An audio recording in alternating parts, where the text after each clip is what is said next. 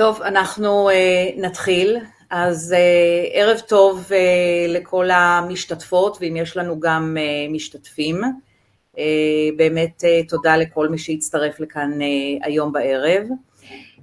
הנושא של הוובינר שלנו היום זה סרטן רירית רחם.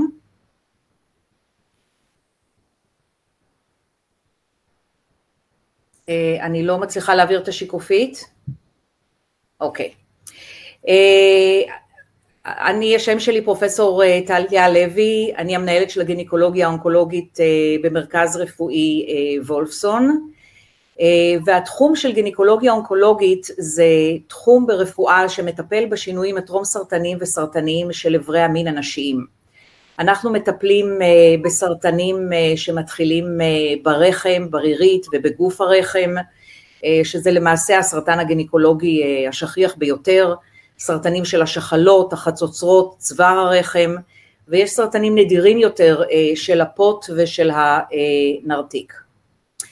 אה, קצת ככה מבחינת אנטומיה, שאנחנו נבין בדיוק אה, במה אנחנו, על מה אנחנו מדברים, אז אנחנו מדברים על איברים שנמצאים באגן, אתם יכולים לראות כאן את הרחם, איך שהוא ממוקם בין שלפוחית השתן לרקטום, יש לנו את הרחם, יש לנו את צוואר הרחם, אה, את הנרתיק, החצוצרות והשחלות, אה, ולמעשה הרחם זה איבר שהוא הכרחי מבחינת ההיריון, צוואר הרחם מהווה בעצם את החוזק שמונע, את החוזק של הרחם ששומר על ההיריון עד השבועות האחרונים. הנושא שלנו היום, כמו שאמרתי, זה סרטן רירית הרחם, ובעצם זה סרטן שמתפתח בחלק הפנימי של הרחם. את החלל של הרחם מצפים תאים מיוחדים, תאי רירית הרחם, וכאן מתפתח בעצם הסרטן השכיח ביותר אה, מבין הסרטנים הגינקולוגיים. אה, החברים שלי שידברו איתנו היום, הם אה, דוקטור סופיה לייטס, רופאה בכירה אה, אצלנו בגינקולוגיה האונקולוגית אה, בוולפסון, והיא תדבר על גורמי הסיכון להתפתחות של סרטן רירית הרחם, התסמינים והאבחון. אחר כך אני אדבר על הטיפול הניתוחי בסרטן רירית הרחם. דוקטור אורית טל, רופא בכיר גם כן אצלנו ביחידה לגינקולוגיה אונקולוגית במרכז רפואי וולפסון, ידבר על הטיפולים הנוספים שיש בסרטן רירית רחם ויעדכן אותנו בחידושים חשובים ביותר שקיימים היום.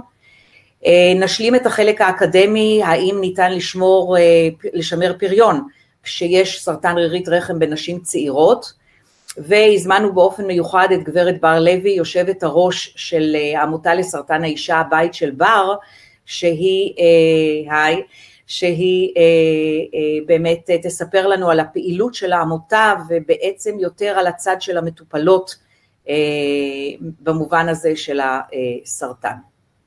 אז דוקטור לייטס, הבמה שלך. תודה רבה, ואני מתרגשת מאוד באמת להעביר את הוובינר, ותודה רבה לכל מי שהצטרף. אני מנסה להעביר את השקופיות, עוד רגע. הנה. אז היום במצגת אנחנו בעצם אה, נדבר על אה, מה השכיחות אה, ממש בקצרה ומה המאפיינים של המחלה, מהם גורמי הסיכון להתפתחות של סרטן רירית רחם, מהם התסמינים וכיצד נבצע את האבחון. אפשר לראות שהשכיחות של סרטן הרחם היא בעצם שונה בהקשר של האם מדובר במדינה שהיא מדינה עם כלכלה מפותחת או מדינה מתפתחת. אה, במדינות המפותחות אה, מדובר בסרטן גינקולוגי השכיח ביותר, אה, לעומת מדינות מתפתחות ששם המקום הראשון תופס סרטן צוואר רחם ולאחריו בעצם סרטן רירית הרחם נמצא במקום השני. ומה קורה אצלנו בישראל. אה, קודם כל לפי נתוני רישום סרטן לשנת 2020 אה, אה, של משרד הבריאות אפשר לראות כאן בגרף שהתחלואה בסרטן מסוג זה לא השתנתה הרבה לאורך השנים, יש כאן חלוקה בין המגזרים למגזר היהודי ולמגזר הערבי אבל סך הכל פחות או יותר הגרף חופף ואין עליות או ירידות משמעותיות. כאן אפשר לראות התפלגות לפי קבוצות הגילאים וניתן לראות שבעצם השיא של המחלה מגיע בשנים שהם לאחר סיום מחזורי הווסת, פחות או יותר בין גילאי החמישים לגילאי השבעים וחמש. אה, אפשר לראות שההתפלגות לפי מחוזות, אה, אה, אנחנו מאבחנים את המחלה הרבה מאוד במחוז המרכז ואלה המטופלות שמגיעות גם למרכז הרפואי שלנו ונכון לשנת 2020 אפשר לראות שאובחנו 839 מקרים חדשים של סרטן רירית רחם. אז מה המאפיינים של המחלה? אז אה, באופן אה, מסורתי בעצם אה, מחלקים את כל,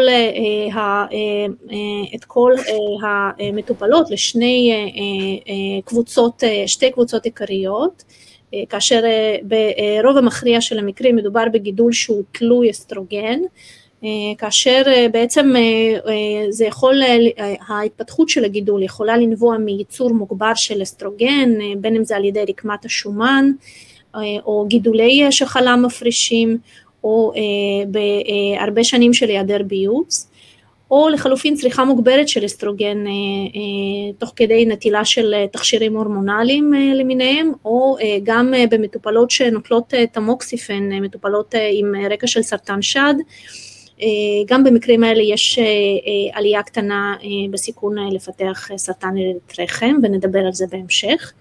הקבוצה השנייה של המטופלות, אה, הם, אה, יש להן גידול שהוא לא תלוי אסטרוגן, אה, לרוב מדובר בנשים שהן יותר מבוגרות וכאן באמת הגיל הוא הגורם המשמעותי מאוד.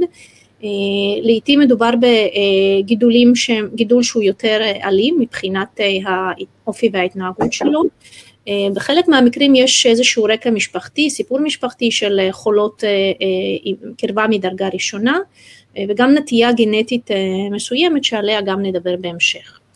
אז בשביל לאפיין אה, את הגידול אנחנו בעצם צריכים לבצע הערכה למיקום שלו בחלל הרחם, לגודל שלו, לעומק החדירה שלו לדופן הרחם, אנחנו צריכים לבדוק האם מדובר במחלה גרורתית, מה הסוג ההיסטולוגי של הגידול, מה דרגת ההתמיינות של התאים בו, ולאפיין אותו מבחינה מולקולרית, ועל כל זה אני רוצה לדבר בקצרה.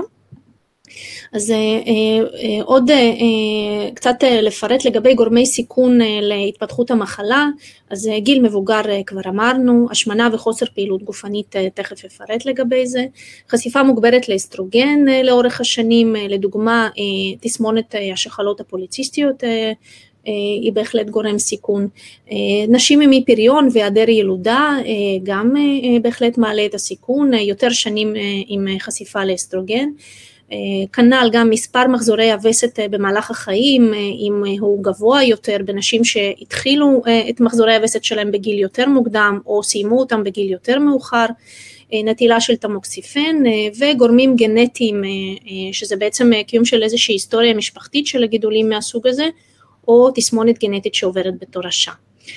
אז אה, מה קורה מבחינת אה, השמנה ומדוע אנחנו בעצם אה, שמים דגש על זה כגורם סיכון מאוד משמעותי, אז ידוע שבנשים שהם סיימו את מחזורי הווסת שלהם, רקמת השומן בעצם הופכת להיות כמקור מאוד משמעותי לייצור של אסטרוגן בגוף, והאסטרוגן הזה משפיע על רירית הרחם, גורם לשגשוג שלה וגם בהמשך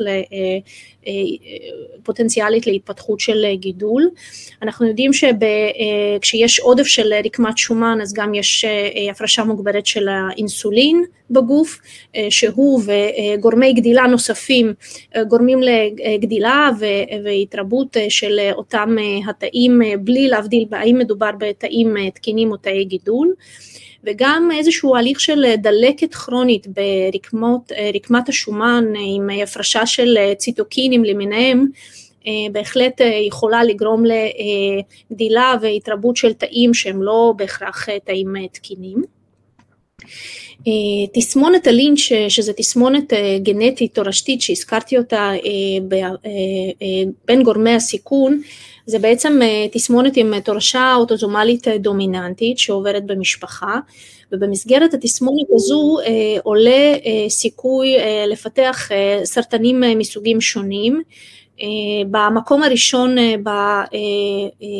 באוכלוסייה הזאת זה כמובן קולורקטל קאנסר או סרטן של המעי הגס, אפשר לראות שיש סיכוי של 80 אחוז לפתח אותו במהלך החיים, אבל שימו לב במקום השני במטופלות שיש להם את התסמונת הגנטית יש להם 60 אחוז אה, סיכון לפתח אה, אה, סרטן רירית רחם במהלך חייהן, ולכן אם אנחנו יודעים על נשאות לתסמונת זו, אנחנו כמובן נבצע מעקב מיוחד אחר הנשים האלה, במטרה לאבחן את המחלה בשלבים המוקדמים. טיפול בתמוקסיפן זו תרופה מיוחדת שניתנת למטופלות עם סרטן שד, מנגנון הפעולה של התרופה היא בעצם חסימה סלקטיבית של קולטני האסטרוגן בשד, אה, אבל אה, יחד עם זאת אה, יש לה פעילות הפוכה על הקולטנים שנמצאים ברירית הרחם וזה בעצם יוצר השפעה שהיא דומה לזו של האסטרוגן. זה נדיר, אבל בכל זאת אנחנו יודעים שלנשים אלה הסיכון לפתח סרטן רירית רחם קצת יותר גבוה ביחס לאוכלוסייה הכללית, ויחד עם זאת חשוב לציין שהיתרונות של הנטילה של התרופה כחלק מהטיפול בסרטן שד הם כמובן עולים על הסיכון הקטן לסרטן רירית רחם. אז מהם התסמינים של המחלה, למה אה, אנחנו מבקשים מהמטופלות לשים לב?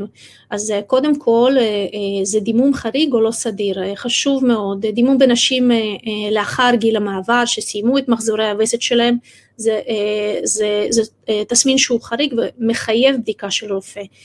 אה, דימום בין מחזורי הווסת או דימום חזק מהרגיל בזמן וסת בנשים אה, אה, לפני המנופאוזה גם מצריך איזשהו בירור אצל רופא, ראשוני לפחות אצל רופא נשים לרוב לא מדובר כמובן בפתולוגיה של סרטן אבל בכל זאת יש מיעוט המקרים שאנחנו כן מאבחנים מחלה זו בנשים שהן יותר צעירות. כאבי בטן יכולים להתווסף לתלונה של דימום אה, וכמובן אה, דורשים הערכה. אפשר לראות שככל שעולה גיל המטופלת שמתייצגת עם אה, דימום לאחר סיום מחזורי הווסת, כך הסיכוי לאבחן אצלה סרטן רירית רחם הוא גבוה יותר ומעל גיל 80 מגיע ל-24 אחוז. אז איך אנחנו מאבחנים את המחלה? אז אה, יש לנו אה, כמה שלבים אה, פשוטים מאוד שמאפשרים לנו באמת לאפיין את המחלה בצורה הטובה ביותר ובהתאם לזה להתאים את הטיפול. אז קודם כל אנחנו עושים בדיקה גינקולוגית. ניתן לראות כאן בתמונה, אנחנו מעריכים את גודל הרחם, את הניידות שלו, אנחנו גם עושים בדיקה עם מכשיר שנקרא ספקולום, מסתכלים על מקור הדימום, מעריכים את הכמות שלו אה, ולפי זה יכולים אה, להתקדם בהבחנה. אנחנו עושים גם אולטרסאונד גינקולוגי, אפשר לראות כאן אה, שתי תמונות של אולטרסאונד גינקולוגי שבו מודגם רחם ובתוכו יש את רירית הרחם, כאשר בעצם בתמונה אחת אפשר לראות רחם שהוא תקין, עם רירית רחם בתוכו שהיא סדירה, עם גבולות ברורים, ולעומת זאת תמונה של רחם שהוא לא תקין, אה, שאפשר לראות כאן שהרירית היא מאוד מעובה, יש איזשהו נוזל בחלל, אה, וזה בהחלט משהו שמצריך אה, בירור. השלב הבא, הבא שלנו, כשאנחנו מזהים שמשהו לא תקין בחלל הרחם, אנחנו צריכים לקחת דגימה של הרקמה. יש כמה שיטות לקחת דגימה, כאשר השיטה הפשוטה ביותר שיכולה להתבצע אה, תוך כדי אה, בעצם הבדיקה הגינקולוגית בכיסא הגינקולוגי ולא מצליחה לרוב אה, איזושהי הרדמה או שיכוך כאב. מדובר בעצם בבדיקה של פיפל, זה איזושהי קשית דקה, ארוכה, שבעצם מוכנסת דרך צוואר הרחם לחלל הרחם, כפי שמראה התמונה, ובאמצעותה אנחנו בעצם לוקחים דגימה מהרירית.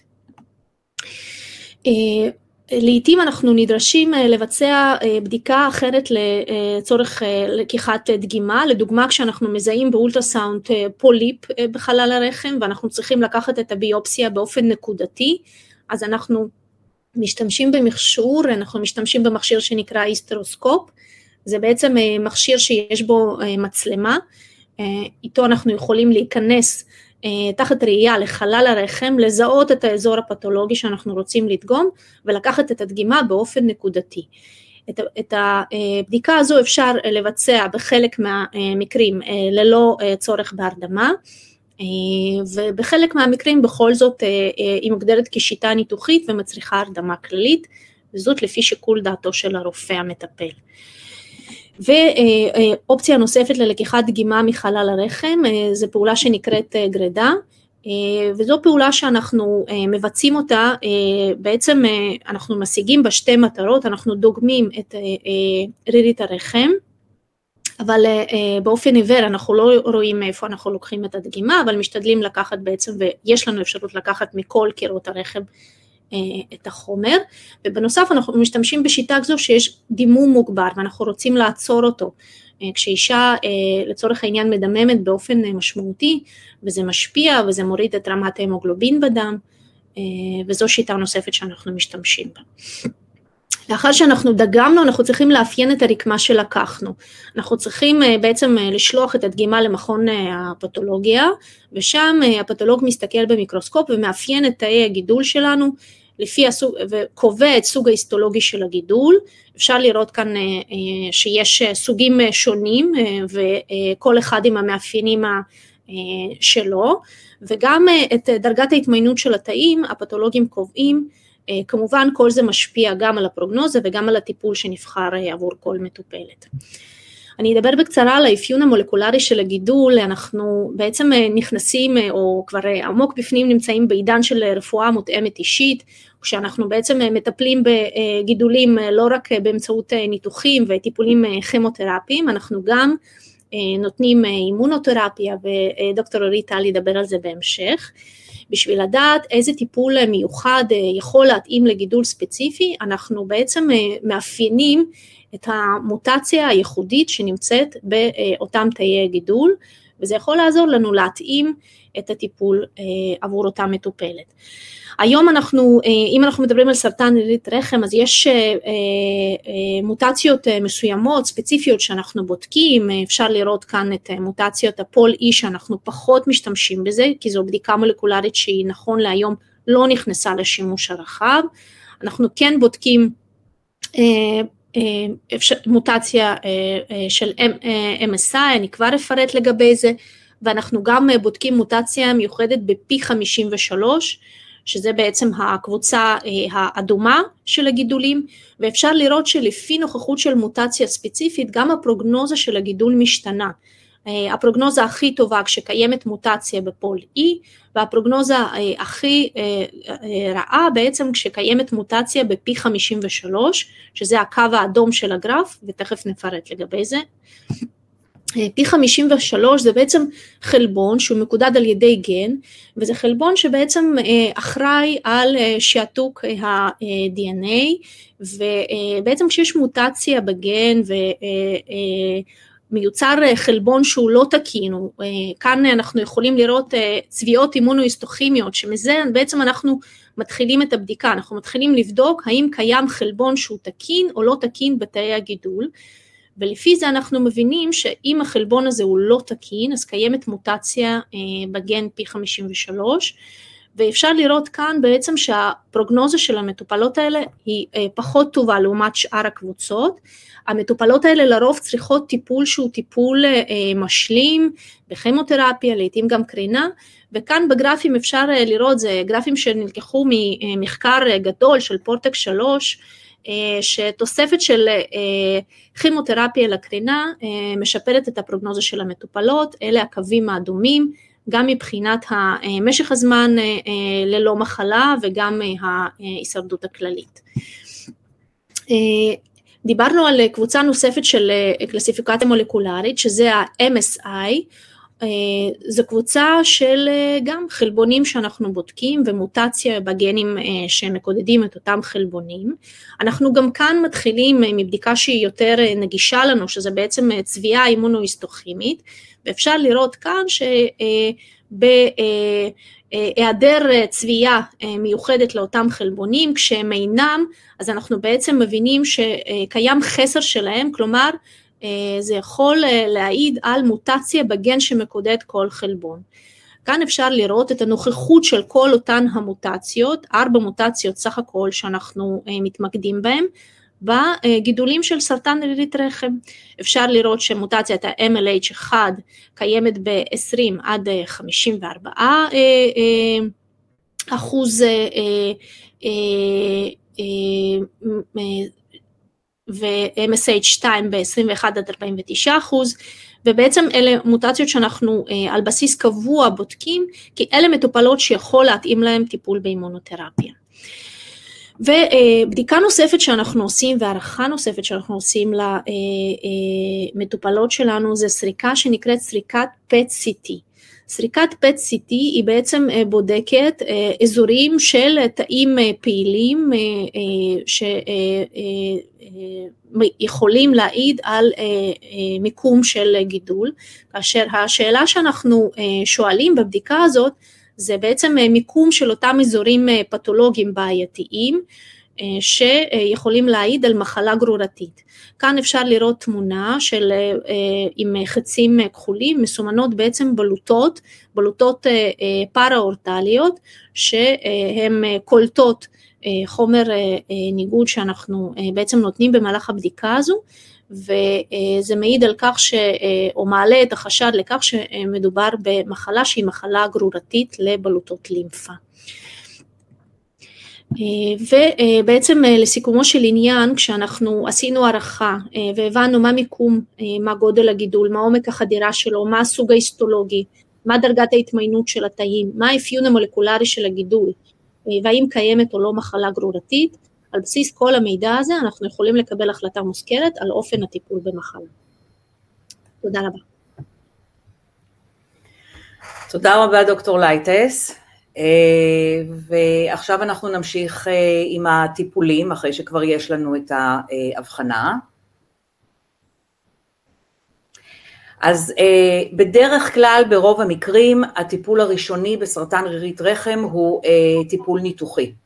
כשהמטרה שלנו היא להוציא את הרחם, את השחלות, את החצוצרות, סך הכל רוב הנשים, כמו שדוקטור לייטס אמרה, הן נשים אה, מבוגרות אחרי אה, הפסקת אה, מחזורי הווסת, מה שנקרא בגיל המנופאוזה, וגם חשוב לנו מאוד להבין האם יש או אין גרורות לבלוטות לימפה, ולכן אנחנו גם עושים הערכה כירורגית של בלוטות הלימפה. אפשר לעשות את הניתוח אה, באופן קלאסי, זה נעשה בעבר אה, בפתיחת בטן, אה, עכשיו בעיקר זה נעשה אה, בלפרוסקופיה, וסך הכל מה שאפשר לראות שלא משנה באיזה שיטה משתמשים, אנחנו בעצם עושים את אותו דבר, יש לנו כאן את הרחם בפתיחת בטן, כאן את הרחם בלפרוסקופיה, המטרה שלנו היא להוציא את הרחם, להוציא את הגידול, הנשים האלה הן נשים שמדממות, אנחנו חייבים לעזור להן מהבחינה הזאת, ואתם יכולים לראות כאן באמת את ההוצאה של הבלוטות לימפה, שיטות הניתוח הן בעצם שוות ערך. אבל אנחנו מעדיפים את השיטה הלפרוסקופית. בלפרוסקופיה מה שאנחנו עושים, אנחנו בעזרת חתכים קטנים, כל חתך של בין חצי סנטימטר לסנטימטר, אנחנו מכניסים צינורות דקים שדרכם אנחנו בעצם עושים את הניתוח, וללפרוסקופיה יש יתרונות אדירים של אה, מעבר לעניין האסתטי של, החתך, של החתכים הקטנים בדופן הבטן, אז גם ההחלמה יותר מהירה, פחות כאבים אחרי הניתוח, חזרה לחיים אה, רגילים. עוד שיטה לפרוסקופית אה, נוספת זה לעשות את הניתוח בעזרת רובוט. אה, בעצם בשיטה הרובוטית המנתח יושב ליד מין מתקן כזה, הוא לא ליד המטופלת עצמה, אלא הוא בחדר, אבל ליד מין מתקן כזה, ובעזרת הידיים אה, הוא מזיז את הזרועות של הרובוט שבעצם מבצעות את כל החיתוכים של הניתוח, שוב זה בסיכומו של דבר לפרוסקופיה באותה מידה. רוב המטופלות אה, שואלות אותי איך הדברים נראים ומבקשות ממני לא מעט פעמים לצלם להם איך נראה הרחם, איך נראו השחלות, מה בעצם נעשה בניתוח, הרבה פעמים זה מעניין אז חשבתי שאולי זה גם יעניין אה, כאן את הצופות והצופים שלנו. אה, בעצם מה אנחנו עושים בניתוח עצמו? אז יש לכם כאן תמונות מניתוח לפרוסקופי, אתם יכולים לראות כאן את הרחם. אנחנו בעצם מנתקים את החיבורים של הרחם לדפנות האגן. אנחנו מכניסים את המכשירים שהם מכשירים דקים מאוד בקוטר של חמישה מילימטר, בעזרת המכשירים האלה אנחנו עושים צריבה וחיתוך של הרקמות, אז אתם יכולים לראות כאן שאנחנו מתחילים עם הניתוק של הרצועות שמחברות את הרחם לדופן האגן, כאן אנחנו ניתקנו את השחלה והחצוצרה, אנחנו חייבים גם לנתק את אספקת הדם אה, לרחם, אז אתם יכולים לראות שכאן אנחנו מנתקים את זה בצד הימני, פה אנחנו מנתקים את זה בצד השמאלי, ואחר כך אנחנו גם צריכים להוציא את הרחם באיזושהי צורה, הרי אנחנו עובדים פה עם חתכים קטנים שכל אחד הוא חמישה מילימטר, אז אנחנו מוציאים בדרך כלל את הרחם דרך הנרתיק, אנחנו עושים חתך כאן בנרתיק, מוציאים את הרחם מלמטה, ואז את הפתח שנשאר בנרתיק אנחנו סוגרים בעזרת אה, תפר.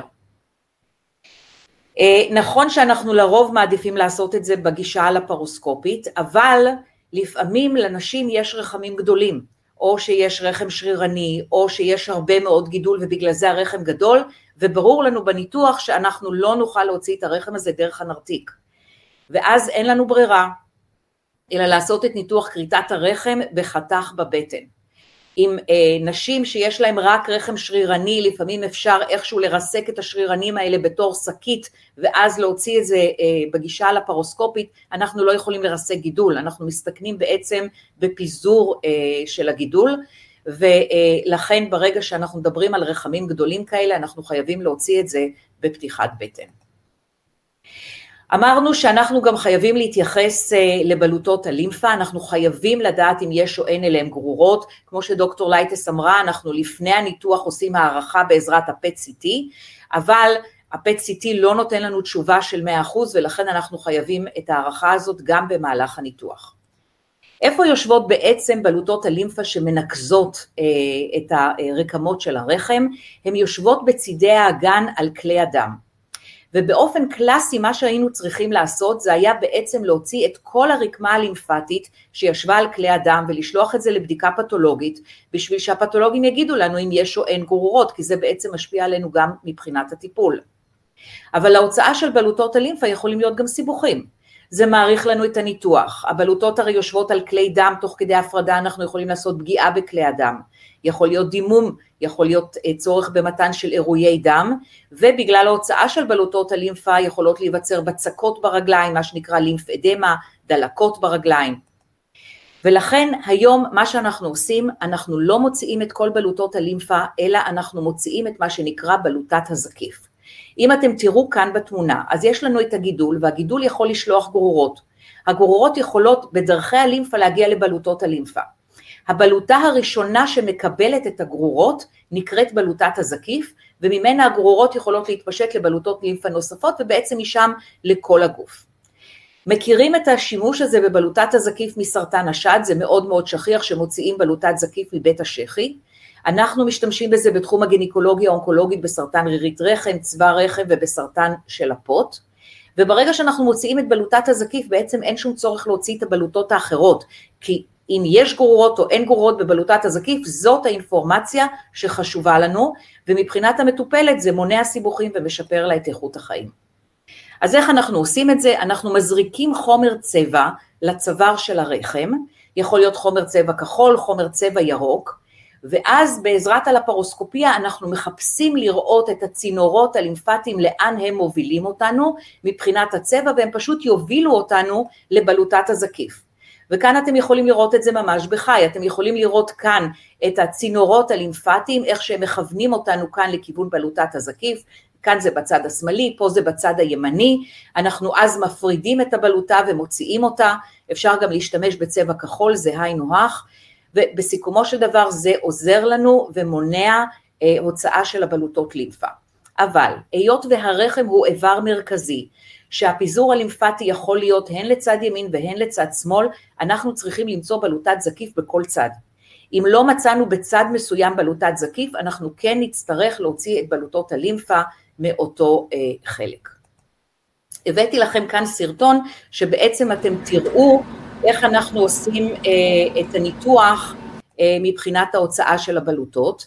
אנחנו הזרקנו את חומר הצבע הירוק לצוואר הרחם, מצאנו כאן את האזור של הבלוטה, אתם יכולים לראות כאן את העורק, כאן את הווריד, הבלוטה הזאת ממש יושבת על הוורידים, ואנחנו פשוט בעדינות הולכים ומפרידים את הבלוטה הזאת, אנחנו רוצים להוציא אותה בשלמותה. כאן בחלק הזה יש לנו אה, את הרחם,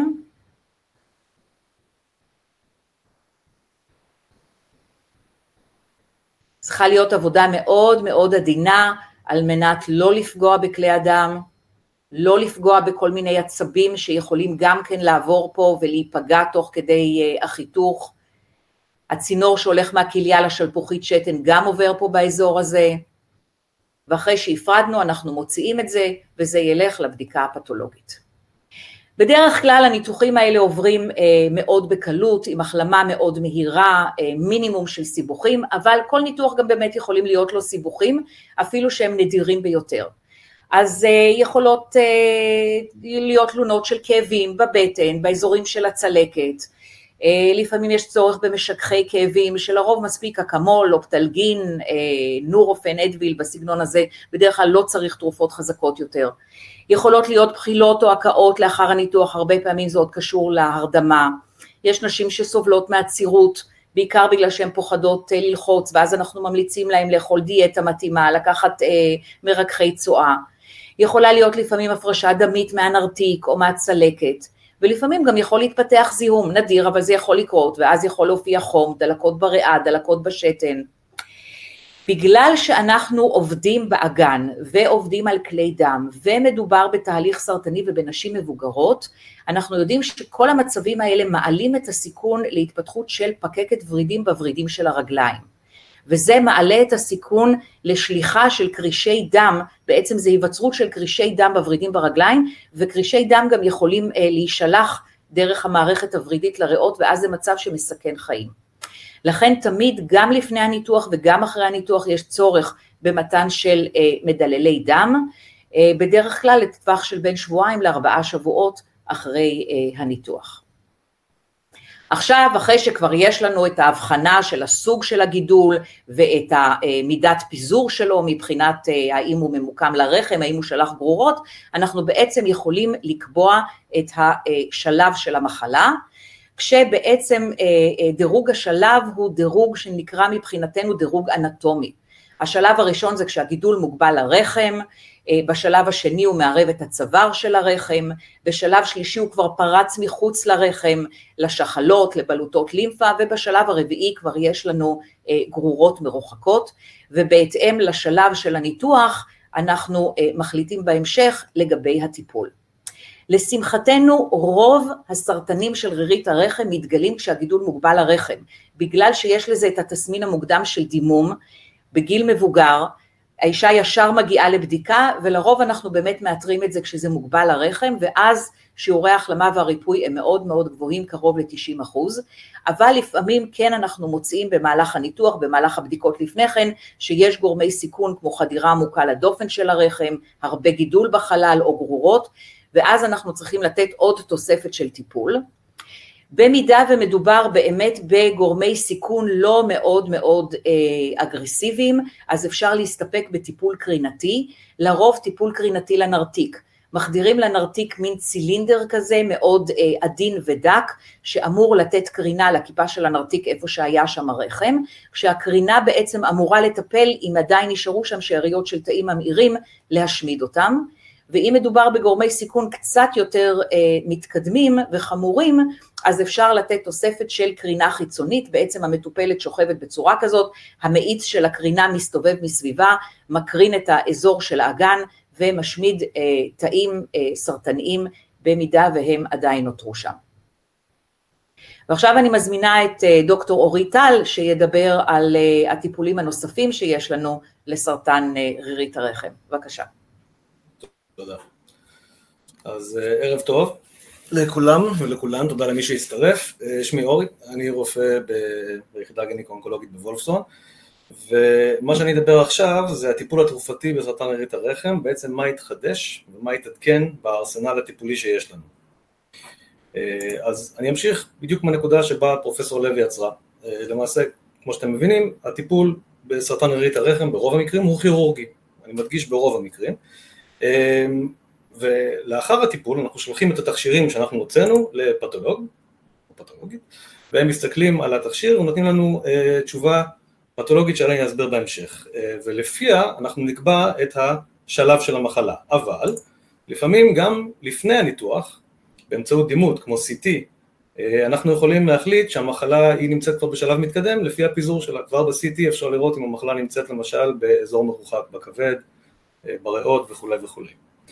אה, אז לשמחתנו כאמור רוב המקרים אה, באמת מסתיימים בשלב אחד, אבל יש לנו הרבה מקרים שהם מעבר לזה, והפתולוג לפי התשובה שנקבל מהפתולוג, אנחנו נסווג, נעשה דירוג של הסרטן משלב אחד, שזה הסרטן המוקדם ביותר, כמו שפרופסור לוי אמרה, סטייג' 1A, עד לשלב המאוחר ביותר, stage 4B, שזה אומר גרורות מרוחקות, כמו שאתם רואים פה, גרורות בכבד במקרה הזה. עכשיו, הסיווג הזה מבוסס על מיקום אנטומי וגודל המחלה בלבד, אבל בשנים האחרונות, כמו שהזכירה דוקטור לייטס קודם, נכנס הסיפור המולקולרי והביולוגי, ההתנהגות הביולוגית של המחלה. ומבלי להיכנס יותר מדי לביולוגיה של זה, סרטן, יש גוף אמריקאי שנקרא ה-TCGA, ה-TCGA זה ה-Cancer Genome Atlas, זה גוף אמריקאי שתפקידו בעצם לחקור ולרצף סרטן. ומה שהם עושים, הם מרצפים את ה-DNA של סרטן, והם גילו שסרטן רירית הרחם בעצם ניתן לסווג לארבעה סוגים מולקולריים. אלה הסוגים, All Mutated MMR Deficient, P53 Wild Type, P53 Mutated, כאן אתם רואים את התמונות שלהם בהיסטולוגיה, אין לי כוונה להיכנס לכל אחד ואחד, אני רק מראה פה את השכיחויות שלהם באוכלוסייה, ומה שמעניין בסיפור הזה זה שלכל אחד מהם יש למעשה התנהגות ביולוגית שונה, וכל אחד מהם מגיב באופן שונה לתרופות, ולכל אחד מהם ניתן להתאים טיפול שונה. ואז למעשה כל הסיפור הזה התנקז לכך שהשנה, בשנת 2023, איגוד הפיגו, איגוד הגניקו-אונקולוגיה העולמי, הכניס את הסיפור הזה לתוך ה staging שלנו, זאת אומרת אנחנו היום מדרגים את סרטן רירית הרחם לא רק בהתאם למיקום האנטומי, אלא גם בהתאם למאפיינים המולקולריים שלו והביולוגיים שלו. וזה חשוב, כי כמו שאמרנו, נשים בשלב אחד, שזה רוב המקרים לשמחתנו, שם זה יסתיים, אבל במקרים מתקדמים יותר, יש לנו ארסנל טיפולי שאנחנו יכולים להציע בנוסף. אז פרופסור לוי הזכירה את הסיפור של הקרינה, אני אדבר איתכם על, על מה שאנחנו יכולים להציע בנוסף מבחינת טיפול תרופתי. אז הטיפול התרופתי הראשון והבסיסי ביותר זה הטיפול הכימותרפי. אוקיי? כימותרפיה מבוסס על העיקרון שבו סרטן בעצם תאים בגוף חיים תחת משטר והתאים האלה מתחלקים באופן רגיל, יש חוקים והם אמורים להתחלק מתי, ש... מתי שנותנים להם הוראות ואמורים למות מתי שנותנים להם הוראות ויחליף אותם תא מתי שהגוף יאמר להם ואף אחד לא זז מזה. תא סרטני זה תא שהפסיק להגיב לחוקים, זה תא בעצם סורר שמתפשט כאוות נפשו וגדל ללא מעצורים וללא בקרה. ופה נכנס הסיפור של כימותרפיה, כימותרפיה בעצם הורג את המנגנון שמאפשר לתאים האלה להתחלק ובכך הוא הורג את הגידול הסרטני, אבל זה מגיע עם מחיר, בגלל שיש גם תאים בגוף שמתחלקים גם בצורה מהירה, כמו למשל תאי שיער או תאים בקיבה, ולכן תופעות לוואי שכיחות של כימותרפיה זה למשל עיבוד שיער או בחילות, מכיוון שהתאים האלה פוגעים, גם תאים נורמליים נפגעים. הכימותרפיה שאנחנו מציעים, הכימותרפיה הבסיסית שאנחנו נותנים, ל... יש כל מיני, אבל בגדול הכימותרפיה הבסיסית שאנחנו מציעים לסרטן רירית הרחם מורכב משתי תרופות, מקרבופלטין וטקסול או פקליטקסל, שתי התרופות האלה ניתנים, ניתנות ביחד, תוך ורידית, פעם בשלושה שבועות, בדרך כלל למשהו בין שישה לשבעה מחזורים. וכאמור פרט לתופעות לוואי שכל כימותרפיה יכולה לגרום להם, אלה ספציפית יכולות לגרום גם לנימול בידיים וברגליים ולפגיעה במח העצם, מה שאומר שיהיה ירידה בתאי דם אדומים שיכול להוביל לאנמיה, תאי דם לבנים שיכול להוביל לאימיונודפישנסי, בעצם חסר במערכת החיסון וזיהומים. אז זה הכימותרפיה. מבחינת הטיפול, טיפולים אחרים, הטיפול השני זה אימונותרפיה, אימונו מהמילה אימיוניטי, אימיונו זה מערכת החיסון. מערכת החיסון שלנו, תפקידה בעצם בגוף להגן מפני פולשים זרים, בין אם זה בקטריות, בין אם זה וירוסים ובין אם זה תאי סרטן. המערכת אמורה לזהות אותם ולסלק אותם. תאי סרטן, הבעיה איתם זה שבמהלך השנים, במהלך האבולוציה שלהם, הם פיתחו אופציות שונות להתגבר על מערכת החיסון ולהסתתר ממנה ובכך למנוע מהם להרוג אותם. אז העיקרון של אימונותרפיה זה בעצם לחזק את מערכת החיסון, לתת לה, לחזק במובן של או לתת לה בוסט במובן כמותי, או לעזור לה לזהות בעצם את התאים שאותם היא אמורה לתקוף. ואיך זה בא לידי ביטוי בסרטן רירית הרחם, אז דוקטור לייטס הזכירה קודם את ה-MMR, אני גם הזכרתי את זה עכשיו, אמרתי ש-30% מהחולות בערך יש להם את הדבר הזה, תכף תראו, בגוף של כולנו, מה שאתם רואים פה זה שני סלילי DNA, וכאשר תא מתחלק, אז משכפלים את ה-DNA, ולצורך העניין מעתיקים אותו, כמו שלוקחים ממחברת אחת, כותבים ומעתיקים למחברת שנייה, פה ושם יהיו טעויות, אוקיי? זו טעות. אז בגוף שלנו יש במקרה הזה יש ארבעה חלבונים שהתפקיד שלהם זה לזהות, לזהות את הטעויות האלה, הם מוציאים את הטעויות כמו ספל צ'קר בוורד, עוברים על הטעויות, בודקים איפה יש אות לא במקום, מוציאים אותה ומחליפים במקומה אות שאמורה להיות במקומה וככה אה, ה-DNA נשמר אה, תקין כמו שהוא משועתק, אלפי עותקים אה, מבלי, מבלי שתהיה טעות. אבל ב-30% מהאוכלוסייה, האנשים האלה שיש להם MMR או סינדרום לינץ' או וכולי וכולי, באנשים האלה יש בעיה במערכת הזאת, בין אם זה חסר גנטי באחד מהחלבונים האלה, בין אם זה פגם, בין אם זה חוסר יציבות של האנזימים, זה לא משנה, בסופו של דבר מה שקורה זה שהמנגנון הזה לא עובד, ואז מצטברות הרבה טעויות. כשמצטברות הרבה טעויות כאלה, נוצר סרטן, אוקיי? הטעויות האלה, אגב, אני מציין, אנחנו בודקים אותן באופן רוטיני במעבדה שלנו בפתולוגיה. עכשיו על פניו, תיאורטית, אה, הרבה טעויות כאלה במרכאות זה אמור להיות אה, דבר טוב, מדגיש במרכאות כי זה אמור לעזור למערכת החיסון לזהות את התאים הבעייתיים ולסלק אותם, אבל אה, הבעיה היא שהתאי סרטן הם מתוחכמים יותר מזה, פה אתם רואים תא T שזה תא חיסוני, שיש לו עליו קולטן, במקרה הזה נקרא לו PD1, ככה קוראים לו. התא הסרטני אה, פיתח במהלך השנים אה, איזשהו, אה, איזושהי מולקולה שמתחברת ל-PD1 הזה על התא החיסוני ומרדימה אותו, בעצם פוגעת בו ופוגעת ביכולת שלו לסלק את התא הסרטני. וכאן אנחנו נכנסים לתמונה עם הטיפול האימונותרפי, הטיפול האימונותרפי שלנו בעצם זה המשולש האדום הזה שאתם רואים פה, שמה שהוא עושה הוא בעצם מתחרה עם המולקולה הזו ונכנס לתוך הקולטן של התא החיסוני ומונע מהתא הגידולי להשבית את מערכת החיסונית ובכך התא, המערכת החיסונית חופשית להשתולל ולהרוג את הגידול, אוקיי?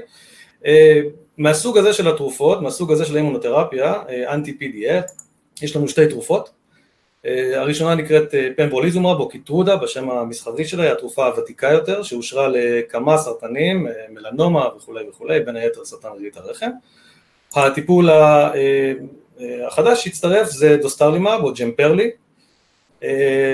צריך לציין ששתי התרופות האלה היום בסל הישראלי מאושרות אך ורק ל-30% של החולות שהן נשאיות של המוטציה ורק אחרי שנכשלו בטיפול בקו ראשון בכימותרפיה, אוקיי?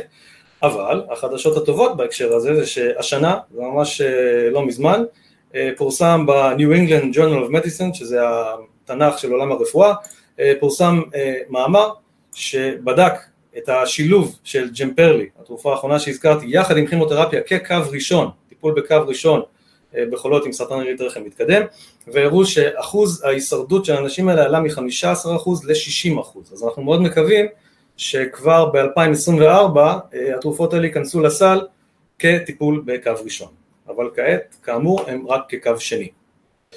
אה, אין דבר טוב בלי דבר רע, כשאנחנו משפעלים את מערכת החיסון, אז אנחנו גורמים לה לעבוד באובר, ולכן מערכת החיסון יכולה גם לתקוף תיאורטית כל איבר בגוף, בין אם זה האור, העיניים, מערכת האנדוקרינית, הריאות וכולי וכולי, כל אלה זה תופעות לוואי אפשריות, אני מדגיש אפשריות של התרופות האלה, לרוב אנחנו לא נתקלים, אנחנו נתקלים באחת, שתיים, אה, והתופעה הכי שכיחה שאנחנו נתקלים בה בדרך כלל זה פגיעה בבלוטת התריס, אה, דלקת בבלוטת התריס, שאיתה אנחנו יכולים לטפל די בקלות עם תרופות לאיזון, אבל תיאורטית כל אחד מאלה אפשרי.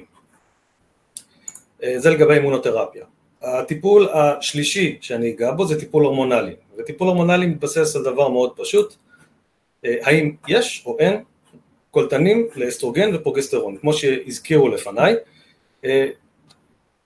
השחלות של נשים מייצרות שני הורמונים, אסטרוגן ופרוגסטרון. אסטרוגן הוא ההורמון, הוא השמאלי, הוא ההורמון שבעצם אחראי הגורם, ה... זה שגורם לסרטן רירית הרחם, ופרוגסטרון הוא ההורמון שמתנגד לו, הם בעצם עובדים כאיזון במהלך חייה של אישה, אז תיאורטית אנחנו היינו רוצים שיהיו יותר קולטנים של פרוגסטרון ופחות של אסטרוגן, אבל אנחנו יכולים להשתמש בנוכחות של אחד או שניים מהם לטובתנו. למשל, פרוגסטוגנים, פרוגסטוגנים זה תרופות שהן פשוט מחקות פרוגסטרון. אם לאישה יש בגידול שלה, אני מקבל את זה כמובן בפתולוגיה, יש בגידול אה, אה, קולטנים של פרוגסטרון, אני יכול לתת לה אחד אחת משתי התרופות האלה, Megace או medroxyprogesterone acetate, וזה עובד, וזה נקשר לחלבון, לקולטן של הפרוגסטרון ובעצם אה, הורג את התא, כי זה מה שהפרוגסטרון אמור לעשות, הוא מתנגד לאסטרוגן. אוקיי? האופציה השנייה זה בעצם להתנגד לאסטרוגן. אה, דוקטור סופי לייטס הזכירה קודם את תמוקסיפן, אה, טיפול אה, בסרטן השד, והזכירה אותו כגורם סיכון, ואני מזכיר אותו כטיפול, תכף אני אסביר איך זה יכול לשלב כשניהם. בעיקרון, תמוקסיפן הוא מה שנקרא אסטרוגן, selective estrogen, לא משנה, זה לא מעניין, תמוקסיפן הוא חקיין של אסטרוגן, אוקיי? בתוך תא רגיל, לאסטרוגן יש קולטנים, והאסטרוגן מתחבר לקולטנים האלה ומשפעל את ה... וגורם לסרטן הזה, אוקיי? תמוקסיפן מחקה את אסטרוגן, אבל הוא נראה כמו אסטרוגן אבל היא לא בדיוק אסטרוגן, אז לכן בהקשר שלנו הוא מתחבר לקולטן של האסטרוגן ובעצם לא עושה בדיוק את מה שאסטרוגן היה אמור לעשות. אז נכון שיש לו פעילות אסטרוגנית קלה ולכן הוא כביכול גורם סיכון, אבל במצבים מסוימים שהמחלה מתקדמת אני יכול להשתמש בתכונות שלו לטובתי אה, ולטובת המטופלת כמובן אה, ובכך אני בעצם חוסם, אני לא מאפשר לאסטרוגן להתחבר לקולטן שלו ומפחית את הפעילות שלו. אופציה מתקדמת יותר, לא נקרא לזה מתקדמת, מתקדמת במבחינת ה-pathway, אה, הרי אם אמרתי שאני, שתמוקסיפן פוגע בקולטן של אסטרוגן, אני יכול בעצם למעשה למנוע את הייצור של אסטרוגן בכלל. כמו שהזכירה דוקטור לייטס קודם, רקמת שומן, אפילו אם הוצאנו את השחלות, רקמת שומן אה, של כל אחד מסוגלת לקחת אה, הורמונים שמסתובבים בגוף ולהפוך אותם לאסטרוגן באמצעות אנזים שנקרא ארומטז. הארומטז הזה נמצא ברקמת שומן ואחד הכלים שיש לנו זה מעכבי ארומטז. מה זה מעכבי ארומטז? זה תרופות, אה, פה אתם רואים את פמרה, זה לטרוזול, לטרוזול בעצם מעכב את האנזים הזה ובכך בעצם מונע ייצור של אסטרוגן בכלל. אוקיי? אז אלה כל מיני שיטות שאנחנו יכולים לשחק בקולטנים של ההורמונים לטובת, לטובת המטופלת. הסוג טיפול האחרון שאני אזכיר זה טיפול מכוון. כשאני מדבר על טיפול מכוון אני מדבר על אה, תרופה שנקראת הרצפטין או טרסטוזומב, הרצפטין זה השם הגנרי, אה, המסחרי סליחה, אה, לפעמים אני יכול לקבל בפתולוגיה תשובה של אה, על תא סרטני כלשהו, יש, על גידול סרטני כלשהו, יש תאים, קולטנים שנקראים HER2, אוקיי? הקולטנים האלה כמו שאתם רואים פה מפוזרים על התא, ומה שהם עושים, הם בעצם שולחים סיגנל, זה הצהובים הקטנים האלה, והם בעצם שולחים סיגנל לגוף להביא כלי דם לתוך הגידול ולעזור לגידול, בכך לעזור לגידול לגדול, כן? כל גידול צריך גם מזון, וככל שיש לו כלי דם, יותר כלי דם, ככה הוא גדל יותר בקלות. אה, אז במתן של הרצפטין, טרסטוזומב, הרצפטין הוא בעצם נוגדן, שכמו שאתם רואים נקשר ל-HER2 הזה, ובעצם מונע ממנו לשלוח את הסיגנל, ובנוסף כבונוס, הוא גם קורא למערכת החיסון ואומר הנה יש פה גידול, בואו תהרגו אותו. אוקיי? זה הטיפול המכוון. אז בעצם למעשה מה שאני אה, רציתי להראות לכם במצגת הזאת זה שהיום לסרטן רירית הרחם יש לנו דירוג חדש שלוקח בחשבון לא רק את המיקום האנטומי ואת הגודל של הגידול אלא גם את המאפיינים הביולוגיים והמולקולריים שלו ולכן הארסנל הטיפולי שלנו כרופאים גדל ואנחנו מסוגלים אה, להתאים למטופלות טיפול משלים לניתוח בצורה טובה יותר ומדויקת יותר. זהו, תודה רבה לכם ורק בריאות לכולם. פרופסור לוי, you're up. תודה רבה דוקטור טל, אה, באמת אה, אנחנו מאוד מאוד נרגשים מכל החידושים האלה אה, בתחום של האימונותרפיה, יש לנו מטופלות שמקבלות את הטיפול הזה ומדובר בטיפול שהוא טיפול ממושך, הוא ניתן למשך בערך 35-36 חודשים, אבל זה פשוט שינה לחלוטין את המצב, ואנשים פשוט תחת הטיפול הזה מבריאות.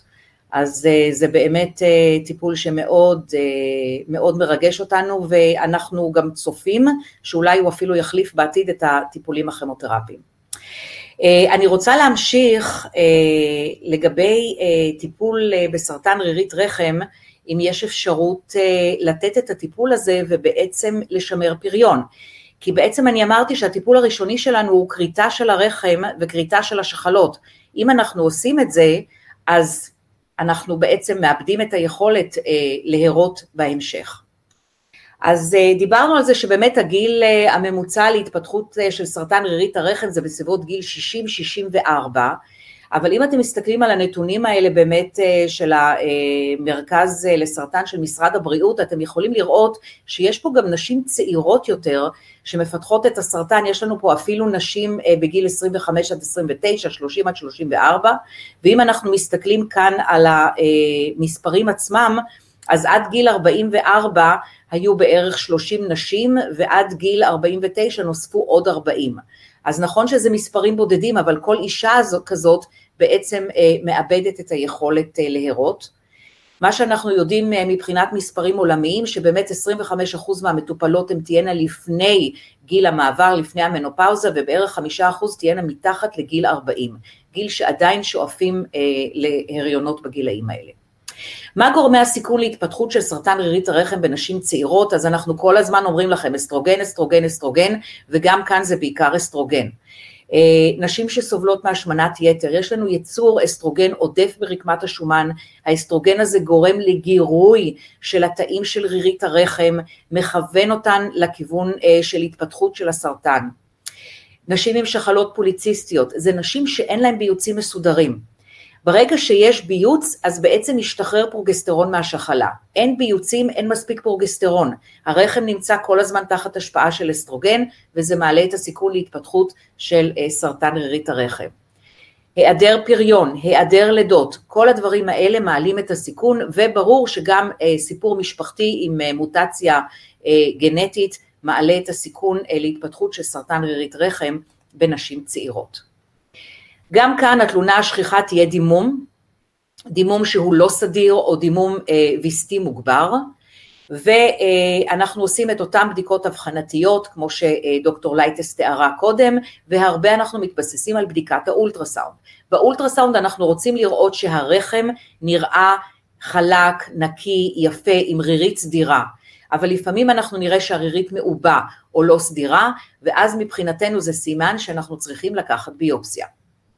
אז השיטה השכיחה ביותר ללקיחת ביופסיה, וזה נעשה במרפאה, זה באמת בשיטת הפיפל, שזה קשית פלסטיק קטנה שאנחנו מכניסים לתוך חלל הרחם, ובעזרתה דוגמים את הרירית של הרחם, אבל גם הרבה פעמים אנחנו עושים את ההיסטרוסקופיה.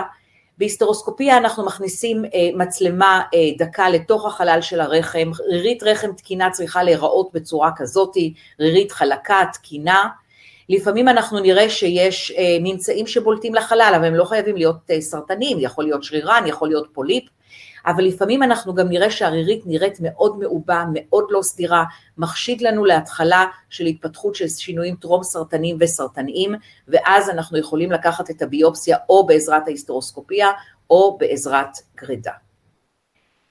במידה ומצאנו בבחורה צעירה באמת שיש שינויים טרום סרטניים או סרטניים של רירית הרחם, מה אפשרויות הטיפול שלנו? אז אנחנו מסתמכים בעיקר על טיפולים הורמונליים. דוקטור טל דיבר איתכם על הטיפולים בתכשירי פרוגסטרון, אנחנו צריכים לתת כאן כדורי פרוגסטרון במינון גבוה, תכשיר אחד נקרא Megace, השני Provera. אנחנו בדרך כלל ממליצים גם להכניס לרחם התקן, התקן שמשחרר פרוגסטרון ונקרא מירנה, זה התקן שאנחנו משתמשים בו הרבה מאוד למניעת הריון, אבל הוא גם מאוד מאוד יעיל במקרים כאלה של שינויים טרום סרטניים וסרטניים של רירית הרחם. שילוב של כדורי פרוגסטרון והמירנה מעלה עוד יותר את היעילות של הטיפול, וגם אם אנחנו בהיסטרוסקופיה יכולים לנקות את כל הגידול הזה שמתבלט החוצה ואז לתת את הטיפול בפרוגסטרון עם המירנה, אז שיעורי התגובה יכולים להיות הטובים ביותר. אז למי בעצם מתאים הטיפול השמרני הזה, שאנחנו רוצים לשמר את הרחם? אז זה חייב להיות ברגע שיש לנו סוג פתולוגי שהוא לא מהסוג האגרסיבי, זה לא מהטייפ 2, אה, מהסוג השני, שיש לנו שם את הסוגים היותר אגרסיביים, אלא סוג שנקרא אנדומטריואיד, שהוא דומה לרירית של הרחם, או כשיש לנו שינויים טרום סרטניים שנקראים היפרפלזיה קומפלקס אימטיפיה, או endometrial intraepithelial neoplasia, או EIN. ואנחנו צריכים שאם יש לנו תהליך סרטני, שהוא יהיה מדרגת התמיינות טובה. אנחנו לא רוצים שתהיה לנו מוטציה ב P53, אם אתם זוכרים בהתחלה אה, דוקטור לייטס דיברה על ה P53 שהוא סמן לגידול אגרסיבי, אנחנו לא יכולים לעשות טיפול שמרתי, שמרני אם יש לנו מוטציה ב P53. גם אם יש לנו מוטציה בחלבוני ה-MMR, זה גם כן מעיד מבחינתנו שתהיה תגובה ירודה יותר לטיפול בפרוגסטרון. נשים שאנחנו רוצים לתת להן טיפול שמרני, אי אפשר אם יש להם גרורות מחוץ לרחם. הטיפול מיועד רק לנשים שהמחלה מוגבלת לרחם וגם מוגבלת לרירית של הרחם, ללא חדירה לתוך השריר של הרחם. כי אם יש לנו חדירה לשריר או אם יש לנו גרורות זה אומר שהטיפול יהיה פחות יעיל ואנחנו בעצם מסכנים את הבריאות של האישה. אז אנחנו נאבחן אם יש גרורות על ידי זה שאנחנו נעשה לאישה PET-CT, נאבחן אם יש חדירה לשריר של הרחם לפי MRI ואולטרסאונד, אנחנו יכולים לראות בדיוק את הרירית ואת השריר של הרחם. אנחנו חייבים לראות שהשחלות נראות גינות, תקינות ואין בהן שום ממצא אה, מחשיד. בנשים הצעירות האלה שמפתחות סרטן רירית רחם, גם עולה הסיכון לסרטן שחלה ראשוני, אז אנחנו חייבים לוודא שאין את זה. ואנחנו גם עושים בדיקות דם לסמני גידול, CA 125, אנחנו רוצים לראות שזה בתחום של הנורמה, שאומר שהערך הוא פחות מ-35. ואולי הדבר החשוב ביותר, אנחנו חייבים שהמטופלות תהיינה עם היענות טובה למעקב ולבדיקות. אם אנחנו רואים שהמטופלת לא תעשה את מה שאנחנו מבקשים ממנה, לא תבוא לביקורות כמו שצריך, אנחנו פשוט לא יכולים לטפל בה, כי משהו בסוף יכול להתפספס, אנחנו נפספס מחלה יותר מפושטת, הישנות של מחלה, ואז אנחנו מסכנים אותה. אנחנו רוצים שהמטופלות תהיינה מעוניינות בהיריון, וגם רצוי שהן לא תהיינה מעבר לגיל 40, פשוט בגלל שסיכויי ההיריון מעבר לגיל 40 הם יותר נמוכים. הטיפול הזה אין לו שיעורי הצלחה של 100%, אנחנו מדברים על שיעורי הצלחה עם הטיפול ההורמונלי של בסביבות 75-80% ונשים צריכות להבין את זה ואנחנו מסבירים להם שזה משהו שגם יכול לסכן אותם. אנחנו נותנים את הטיפול לשלושה חודשים ואז אנחנו עושים היסטרוסקופיה, ביופסיה ורוצים לוודא שבאמת התהליך הסרטני מתהפך וחוזרת להיות רירית רחם תקינה. ממשיכים את הטיפול לעוד שישה, תשעה חודשים, כשכל שלושה חודשים אנחנו עושים היסטרוסקופיה ובדיקה, ואם באמת הסרטן נעלם, אנחנו משתדלים להפנות את המטופלות האלה ישר להפריית מבחנה, פשוט על מנת שהן תהרנה כמה שיותר מהר, ולשקול כריתה של הרחם ברגע שהן מסיימות את תוכנית הילודה. מי שאומרת רגע, סטופ, כרגע לא מתאים לי להיכנס להיריון, אבל כן הצלחנו להפוך אצלה את התהליך, אנחנו ממליצים לה להישאר עם התקן המירנה עד שהיא מנסה להרות, ואם בביופסיות אנחנו רואים שהתהליך הסרטני עדיין נותר שם, אין ברירה, חייבים להמליץ על כריתת רחם, הוצאה של בלוטות לימפה, והערכה בעצם להיות בטוחים שהגידול הזה לא חס וחלילה יתפשט ונהיה יותר חמור. בנשים הצעירות שאנחנו רואים באמת שאין גורמי סיכון, אם אנחנו בכל זאת הולכים לכיוון של כריתת הרחם, כן אפשר לשמר אה, את השחלות, כי ברגע שאין לנו גורמי סיכון, הסיכון לגרורות, אה, לשחלות, הוא אה, נמוך אה, ביותר. זהו, סיימנו את החלק האקדמי, אה, אה, למדתם מאיתנו כאן על סרטן רירית הרחם מכל המובנים. ואני מזמינה עכשיו את גברת אה, בר לוי, אה, שתציג אה, את העמותה שלה ואת מה שהיא עושה למען המטופלות. אז ערב טוב לכולן, תודה רבה לפרופסור לוי שהזמינה אותי לתת כמה מילים עלינו בפאנל המכובד הזה, ואני מאוד שמחה תמיד להגיע ולהגיד שלום ולהכיר את כולן. ואני קודם כל שלחתי עכשיו בצ'אט את המייל האישי שלי, שכל מטופלת שהיא צריכה עזרה או הכוונה או כל מה שצריך, ניתן לכתוב ישירות אליי, אה, וזה מגיע אליי ואני עונה אה, ואני עוזרת במידת הצורך במה שאפשר. יש שם לינק גם לקהילת סרטן הריית הרחם שלנו, קהילה עם 120 מטופלות, בדיוק כמוכן, שאתן יכולות להיכנס אליה, נמצאות שם רק מטופלות, אנחנו בודקות את זה, להתייעץ ולשאול שאלות, וגם כל התשובות הרפואיות שנענות שם אנחנו בודקים, בודקים את האמינות שלהן, הכל עובר וריפיקציה רפואית ואפשר להיות רגועות שאתן בידיים טובות. וכמובן לינק לאתר העמותה. אז אני ממש בקצרה אציג לכם את העמותה, אני יודעת שהשעה מאוחרת ושכבר תכננו לעבור בשלב הזה לשאלות ותשובות, אבל ממש בקצרה, אז אנחנו הבית של בר, אנחנו עמותה שהוקמה אה, בתחילת 2022, אה, אחרי שאני איבדתי את אימא שלי לסרטן ריט הרחם, והבנתי ככה שזאת הייתה הצוואה שלה, הצוואה הבלתי כתובה שלה, שאני אקח את המסע שלה קדימה ו... אה, ניקח את זה כדי לעזור הלאה לקהילה, וביחד איתי אה, עוד, עוד המון נשים נפלאות, אה, הקמנו ביחד את העמותה כדי לסייע ולהיות בית לכל המטופלות, מלעזור למטופלת בקצה, בכל דבר שהיא צריכה, אם זה עזרה מול ביטוח לאומי, ואם זה סיוע בהכוונה לאן להגיע, ואם זה אפילו להיות אוזן קשבת ולהקשיב ולשמוע ולהדריך קצת יותר אה, בצורה רכה, וגם אם זה ללכת עכשיו לכנסת, ולדפוק על שולחנות, ולדרוש את מה שמגיע למטופלות של סרטנים גינקולוגיים, את כל זה אנחנו עושות, ואת כל זה עשינו בשנה וחצי האחרונות, וזאת זכות גדולה ואדירה בשבילנו. אה, אז כמובן אני אשמח לשמוע מכן, תכתבו לי, תרגישו חופשי. אה, בקצרה אני אציג לכם מה אנחנו מציעות כדי לסייע לכם לאורך הדרך לריפוי. אמ, כמובן, בטח שמעתם את המושג הזה, מסע מטופלת והמסע להחלמה, שהוא מתחיל מהאבחון ומבניית תוכנית טיפול, כפי שפרופסור לוי הסבירה, דרך הניתוח והכימותרפיה והקרינה וההחלמה והשיקום, לכל שלב כזה יש, אמ, יש את האתגרים שלו, ואנחנו בעמותה הצלחנו למפות את האתגרים פר שלב, ולנסות להציע כמה שיותר אה, כלים להתמודדות. אז כמובן כשאתן רק מאובחנות, אה, כשאנחנו רק מקבלות ההבחנה, זה בסדר גמור להיות מופתע, זה בסדר גמור להיות מזועזע, זה בסדר גמור לא להבין, ואיך פתאום דבר כזה נפל עליי ועל המשפחה שלי וזה לא מגיע לי, זה ברור מאליו, אה, והבלבול הוא, הוא משהו שהוא מאוד מאוד שולט בשלב הזה. דבר ראשון, אנחנו ממליצות לא להגיע לבד למפגשים עם רופאים, להגיע ביחד עם בן או בת משפחה שאתם סומכים עליהם, שישאלו את השאלות הנכונות, אה, שיהיו שם כדי, אה, שמכירים אתכם ושיודעים אה, להגיד בדיוק מה מציק לכם ומה אתם, מה, מה חשוב לכם, כדי להתוות ככה את הדרך להחלמה בצורה יותר, יותר קלה ויותר מובנת. ולנו בעמותה יש כמה דרכים לסייע לכם. הדרך הראשונה היא כמובן הקהילה, ששמתי את הלינק בצ'אט עכשיו, אתם מוזמנות להיכנס ולשאול שם שאלות. יש לנו את אתר האינטרנט שלנו, שהוא גם שמתי לינק, יש שם המון אה, מידע, המון שאלות ותשובות, אנחנו כל הזמן מעדכנות ושמות עוד מידע ועוד אה, עוד תוכן שאתן יכולות לקרוא ולהתעדכן. שוב, כל התוכן הרפואי שכתוב הוא מאושר רפואית על ידי רופאים שמתנדבים בעמותה, אה, אונקולוגים וגניקו-אונקולוגים, כך שאתן יכולות להיות בטוחות שהמידע הזה הוא מימן.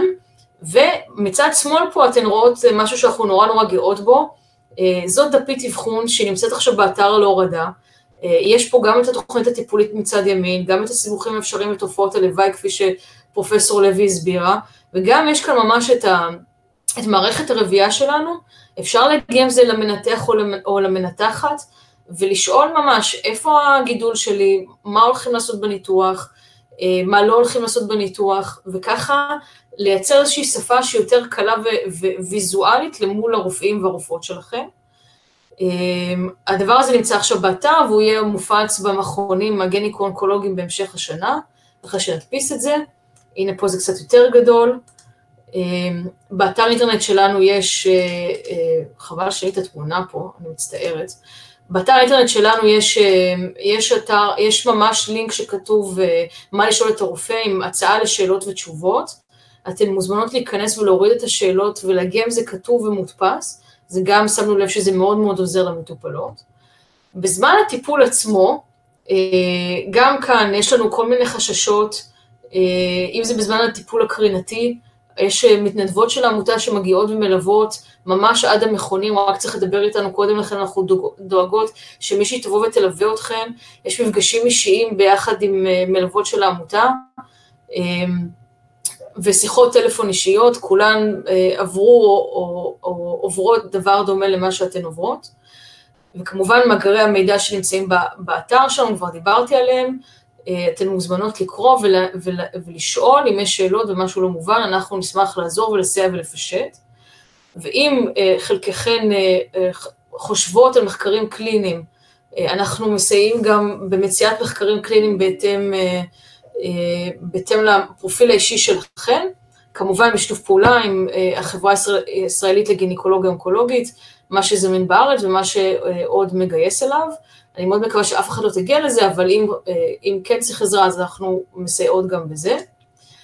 בשלב ההבראה והשיקום, אנחנו כולנו חוות איזשהו קושי לחזור לשגרה, איזושהי תקופת החלמה שהיא מאוד מאוד אינטנסיבית, ופתאום היה לנו איזושהי שגרה של טיפולים שהייתה מובנת ומוסברת והגיונית, פתאום חזרנו חזרה הביתה, אנחנו מגיעות פחות לבית החולים, מתחילה איזושהי תקופת החלמה וחזרה לשגרה שהיא קצת יותר אינטנסיבית וקצת לא כל כך ברורה לנו, יש פתאום איזה שהן תופעות לוואי שהן חדשות או חדשות ישנות, או פתאום משהו שחשבנו שאנחנו להיפטר ממנו, אבל לא הצלחנו להיפטר ממנו, וכל זה לצד הציפייה לחזור למה שהייתי קודם לכן. כל הקשיים האלה הם קשיים שהם מובנים, והם קיימים בכל אחת ואחת שמבריאה ומשתקמת עכשיו מטיפולים אנטי-סרטניים. אנחנו גם ניהלנו כל מיני מחקרים על הנושא הזה, ואנחנו מנסות למצוא פתרונות לבעיות שמצאנו במחקרים. הפתרונות שלנו, חוץ מכמובן להתייעץ אה, אה, ביחד עם האנשים שלנו, יש, יש לנו שני פתרונות שקיימים כבר עכשיו. הפתרון הראשון, נשים שעוברות טיפולי קרינה לאגן, יש לנו באתר האינטרנט מדריך חזרה לחיים בריאים, שמדריך איך להשתמש במאמן נרתיקי, כדי למנוע הידבקויות וצרות של צבא הרחם והנרתיק לאחר הטיפולים הקרינתיים. לפעמים זה מידע שהוא לא כל כך נגיש, ואנחנו ניסינו לכתוב אותו בצורה מאוד נגישה ובשפה מאוד מאוד עדינה ונעימה, שיהיה הרבה יותר קל לקרוא את החומר הזה, שלפעמים הוא לא כל כך, לא כל כך מוכר לנו. ווניה שלנו, או ונקה, אם חלקכן מכירות אותה מהרשת, היא ממש תיקפה את המדריך הזה למול רופאים ואחיות שמתמחות בנושא הזה של מיניות, ואפשר כמובן להתייעץ איתה. ודבר שאני מאוד מאוד גאה בו, זה שברבעון האחרון אנחנו יוצאות עם תוכניות החלמה, תוכניות שיקום למחלימות, פר סרטן, תהיה תוכנית למטופלות של סרטן שחלה, ותוכניות למטופלות של צבא רחם, ותוכנית כמובן למטופלות של סרטן ריט הרחם. התוכניות האלו הן יהיו תוכניות מוסדרות של שלושה חודשים עם מפגשים פעם בשבוע, שבהם תינתן לכם כלים להתמודד עם אותן תופעות לוואי, כמו שהזכרתי קודם לכן, ועוד כל מיני סוגיות שאנחנו פתאום נתקלות בהן בשלב של אחרי סיום הטיפולים, כדי שהדרך חזרה לשגרה תהיה הרבה יותר קלה. כל קורא להצטרף לתוכניות האלו יפורסמו דרך, תפורסם דרך המכונים הגניקו-אונקולוגיים והמכונים האונקולוגיים, וכולי תקווה שכמה שיותר נשים ייהנו וישתתפו בתוכניות האלה ויפיקו ערך ותועלת. וזהו, זה ממש בחמש דקות על מה שאנחנו עושות בעמותה. אני מזכירה עוד פעם, תצטרפו לקהילה שלנו, תכתבו לי מייל, תיכנסו לאתר, יש שם הרבה מידע, אנחנו נמצאות בכל הרשתות החברתיות, ואנחנו כאן לשירותכם. אז תודה רבה לפרופסור לוי וערב נפלא. וואו, בר, איזה, איזה פעילות ענפה ופעילות מדהימה. תודה רבה. זה, זה באמת, זה מדהים, ואני חושבת שכל המטופלות זקוקות לדברים האלה, ואחד הדברים החשובים ביותר מבחינתנו זה באמת זה שהדגשת שהן צריכות להגיע עם השאלות, והדף הזה, אנחנו פשוט נאמץ אותו, ברשותך. בטח, אני אשלח לך, אני אשלח לך, אנחנו גם נביא לך מודפס לכל הצוות שלך, כשנגיע, כשנגיע לבקר אתכם בקרוב.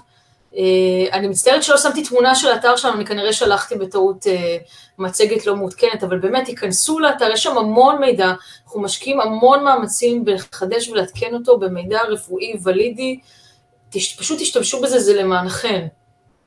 כן. זהו, אז בעצם אני חושבת שכאן אנחנו סיימנו את החלק של ההרצאות. יש לכם כאן את התמונה של הצוות שלנו, של הגניקולוגיה האונקולוגית במרכז רפואי וולפסון. אנחנו חוץ מהצוות של הרופאים, יש לנו גם צוות אחיות מקסים, עובדות סוציאליות, פסיכולוגית, אנחנו נותנים באמת טיפול מאוד חם, מחבק ואוהב למטופלות שלנו. שמנו לכם כאן בצ'אט גם כן את היכולת איך לתקשר איתנו, אתם גם יכולים למצוא אותנו באינטרנט. סך הכל לא היו הרבה שאלות בצ'אט, אה, אני חושבת שהתייחסנו לגבי הגיל המבוגר, שבאמת הממוצע הוא בסביבות גיל 60-65. אה, בדיקת פאפ לא עוזרת בהבחנה של סרטן רירית רחם, אה, זו בדיקה שמיועדת לסרטן צבא רחם, ובאמת זו בדיקה שממליצים לעשות אותה החל מגיל 25 עד גיל 65 אחת לשלוש שנים, והיום בעצם הבדיקה הראשונית היא לא בדיקת פאפ, אלא למצוא אם יש או אין וירוס פפילומה, שהוא זה שגורם להתפתחות של סרטן צוואר הרחם. אנחנו כן, אנחנו עושים פט סיטי לכל המטופלות שלנו, אמ, ואני רואה שסך הכל באמת אה, אין יותר אה, שאלות, ותודה רבה לכל המודות אה, על ההרצאה, והרבה בריאות לכולנו, שיהיה ערב טוב ובריאות, להתראות.